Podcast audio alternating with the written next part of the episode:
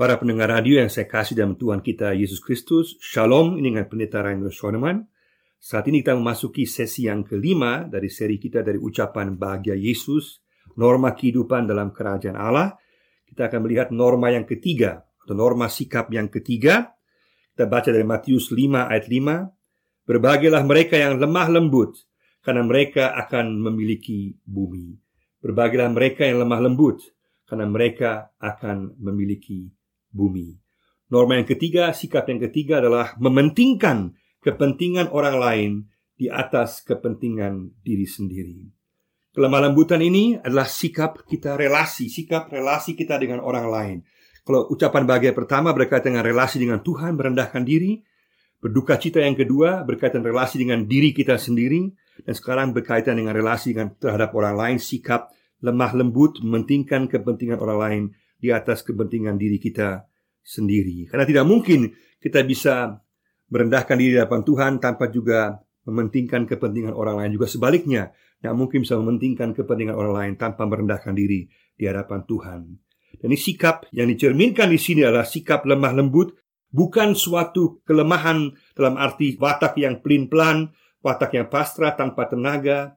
Bukan berarti kita bicara bisik-bisik halus-halus atau berkaitan dengan penampilan luar kita, bukan, tapi berkaitan dengan sikap mendasar, yaitu suatu prinsip rohani yang berarti sangat dalam, yaitu mementingkan kebutuhan orang lain di atas keinginan dan kebutuhan kita sendiri. Dan inilah yang juga disebutkan sebagai buah roh dalam Galatia pasal 5 ayat 22, juga dalam Kolose 3 ayat 12 dan juga Yakobus 1 ayat 19 sampai 21. Dalam Alkitab, kita lihat perjanjian lama ada beberapa contoh, misalnya ketika Abraham memberikan hak kepada Lot untuk memilih, dia menunjukkan kelemah lembutan. Juga Musa pada saat ditekan oleh bangsa Israel, dia tidak membalas, tapi dia menyerahkan dalam tangan Tuhan, dia tidak membela dirinya sendiri. Musa bersifat lemah lembut. Juga Raja Daud pada saat dia telah diurapi, bila dikejar oleh Raja Saul, dia menunjukkan sikap lemah lembut tidak membalas. Juga Yeremia walaupun diperlakukan sangat buruk oleh para nabi-nabi palsu yang lain, dia tidak membalas dendam kepada mereka. Juga Stefanus dan Paulus mereka menunjukkan sikap tidak membalas walaupun disiksa dianiaya. Tetapi teladan yang terbesar jelas adalah Yesus Kristus sendiri. Dia mengatakan dalam Matius 11 ayat 28 dan 29, Pikulah kuk yang kupasang dan belajarlah kepadaku karena aku lemah lembut dan rendah hati. Yesus datang untuk melayani Markus 10 ayat 45 karena dia mementingkan kepentingan orang lain kepentingan dunia ini manusia, bukan kepentingan dirinya sendiri, bukan kemuliaannya sendiri. Dia datang rela menyerahkan dirinya, mengosongkan dirinya untuk menebus dosa kita manusia. Yesuslah teladan kelemah lembutan yang terbesar. Dan pada saat orang-orang pertama mendengar hal ini, mereka kaget karena mereka harapkan Mesias akan datang dalam kekuasaan, dalam politik, dalam militer. Tapi Yesus datang mengatakan bahwa ciri kerajaan Allah yang pertama adalah bersikap pertama-tama berkaitan dengan sikap kelemah lembutan sebagai tanda kerajaan Allah, mementingkan kepentingan orang lain, bukan hal kekuasaan fisik politik, tapi mementingkan kepentingan orang lain. Kekuasaan yang dipakai, Yesus memakai kekuasaannya untuk melayani. Demikian juga kita dipanggil, jangan sampai kita menyalahgunakan kekuasaan baik pribadi maupun dalam gereja. Jangan sampai kita lebih suka dihormati, lebih suka dilayani daripada kita melayani. Ada bahaya bahwa kita menyalahgunakan kekuasaan kita untuk menekan orang lain juga secara rohani ada bahaya besar. Maka kita harus selalu diingatkan bahwa kita harus mementingkan kepentingan orang lain di atas kepentingan kita sendiri. Gereja yang benar sesungguhnya kerajaan Allah Allah di mana ada roh kelemah lembutan mementingkan kepentingan kebutuhan orang lain. Dunia sekitar kita jelas berbeda. Mereka mengajarkan kepada kita, menganjurkan kepada kita, capailah, rengutlah segala sesuatu demi kepuasanmu sendiri. Jangan sampai kamu ketinggalan. Jangan pikirkan orang lain, tapi pikirkanlah dirimu sendiri. Kamu akan menyesal. Dan juga ada sikap menguasai orang lain, sikap memamerkan harta, dan juga segala keangkuhan, kehebatan diri sendiri dan akhirnya tidak segan-segan menggunakan kekerasan. Aku, aku, aku, saya, saya, saya terus. Dan akhirnya ini mengakibatkan kekacauan, penindasan di tengah-tengah kehidupan masyarakat, baik dalam skala besar dalam dunia politik, usaha, masyarakat, bahkan juga dalam gereja sekalipun. Dan juga dalam hal, hal yang kelihatannya sepele juga nampak jelas hal seperti ini, yaitu bahwa di toko, di loket, di bank, orang tidak mau antri, main serobot saja.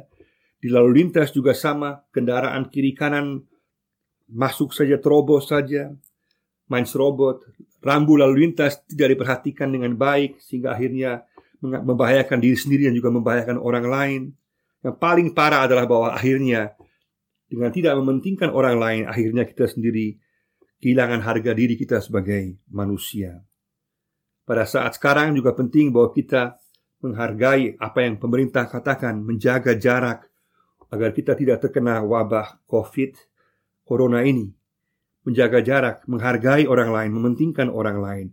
Pada saat tahun 1857 ketika wabah cacar terjadi di Pulau Mansinam, Otto dan Geister telah mengingatkan warga untuk tidak pergi ke atas kapal di mana ada wabah cacar, tapi orang-orang pergi akhirnya mereka tertular dan akhirnya membawa cacar tersebut ke Mansinan dan sepertiga masyarakat Mansinan meninggal dan juga banyak yang meninggal di Kuawi dan juga Manokwari.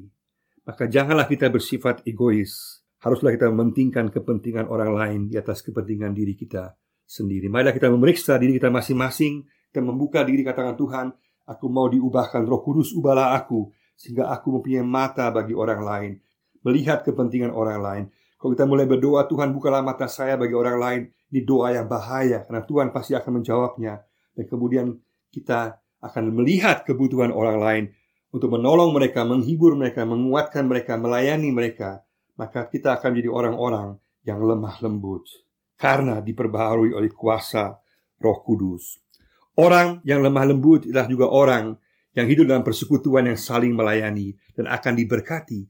Mazmur 133 mengatakan bahwa berkat Tuhan tercurah di mana ada persekutuan.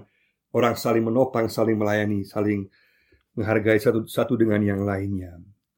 Orang yang lemah lembut juga adalah orang yang mau memajukan orang lain, memberdayakan orang lain. Yesus sendiri juga sama, dia berdayakan 12 muridnya meskipun dia mampu sendiri, dia berdayakan orang lain. Dia senang melihat muridnya berhasil. Dia senang untuk melihat kemajuan orang lain. Maka orang yang lemah lembut tidak iri hati, tidak mau menjatuhkan orang lain, tapi malah sungguh-sungguh mau berdayakan orang lain. Orang yang lemah lembut juga adalah orang yang dapat menerima perbedaan. Dalam hal utama jelas, dalam hal firman Tuhan kita tegas tanpa kompromi. Tapi dalam banyak hal yang sekunder, hal sampingan berkaitan dengan budaya, selera, kebiasaan, kepribadian kita bisa dan harus bersifat menerima perbedaan. Dalam Roma 14, Paulus juga katakan sikap lemah lembut nampak dalam menerima perbedaan dan menghargai orang lain. Alangkah indahnya bila kita dalam kehidupan jemaat berhenti berdebat tentang hal-hal yang sampingan sekunder dan tidak bersifat menghakimi seorang terhadap yang lain, tapi menghargai dan menerima perbedaan. Allah tidak akan membiarkan mereka yang lemah lembut dengan tangan yang kosong. Allah menjanjikan pada mereka mereka akan memiliki bumi, berarti mereka akan memiliki kehidupan. Mereka yang akan hidup di tengah-tengah bumi yang baru. Janji Allah ini akan nampak terpenuhi paling sedikit dengan dua hal. Pertama, mereka yang lemah lembut, mereka tidak akan dikejar-kejar oleh rasa tidak puas, harus memacu terus, memperoleh lebih dan lebih lagi. Mereka akan dipenuhi kepuasan karena mereka tidak dikuasai roh kerakusan roh yang tidak pernah puas yang akhirnya membawa kehancuran dan ketidakbahagiaan. Jelas kita perlu maju dalam dunia pendidikan, usaha, dan infrastruktur. Kita perlu berkembang dalam pekerjaan kita memberikan yang terbaik. Sungguh-sungguh berusaha dalam setiap profesi kita memberikan yang terbaik, tapi jangan kita dikuasai roh kerakusan yang akhirnya menghancurkan segala sesuatu. Tuhan janjikan bahwa dalam Dia kita memiliki segala sesuatu. 1 Korintus 3:21 dan juga 2 Korintus 6 ayat 10.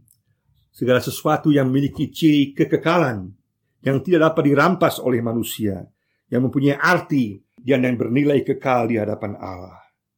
Yang kedua adalah bahwa selain mendapatkan kepuasan, maka yang kedua adalah mereka yang lemah lembut, mereka lah yang akan memiliki bumi yang akan memasuki bumi yang baru. Allah akan menciptakan langit dan bumi yang baru. Dalam, dalam langit dan bumi yang baru ini hanya orang-orang yang lemah lembut yang mementingkan kepentingan orang lain yang akan ada mendiami dan bahkan turut memerintah bersama-sama dengan Yesus. Lukas 14 ayat 11 mengatakan, Barang siapa meninggikan dirinya sendiri akan direndahkan. Tapi barang siapa yang merendahkan dirinya akan ditinggikan. Dalam dunia yang baru, tidak ada tempat bagi mereka yang menyombongkan dirinya, bagi mereka yang mementingkan dirinya sendiri, yang mau berkuasa sendiri. Hanyalah orang-orang yang merendahkan diri di hadapan Tuhan. Orang yang berduka cita dan khususnya orang-orang yang lemah lembut, yang mementingkan kepentingan orang lain, merekalah yang akan memiliki dan mendiami bumi yang baru. Mari bersama-sama kita pada saat ini datang kepada Tuhan, katakan Tuhan, Roh Kudus, penuhilah aku dengan roh kelemah lembutan. Bukalah mataku untuk melihat kepentingan orang lain. Jadikanlah aku berkat bagi orang lain.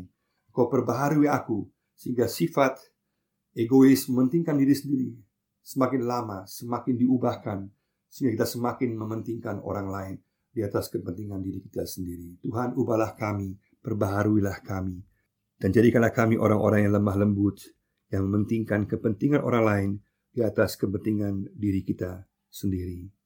Tuhan memberkati kita semua. Amin.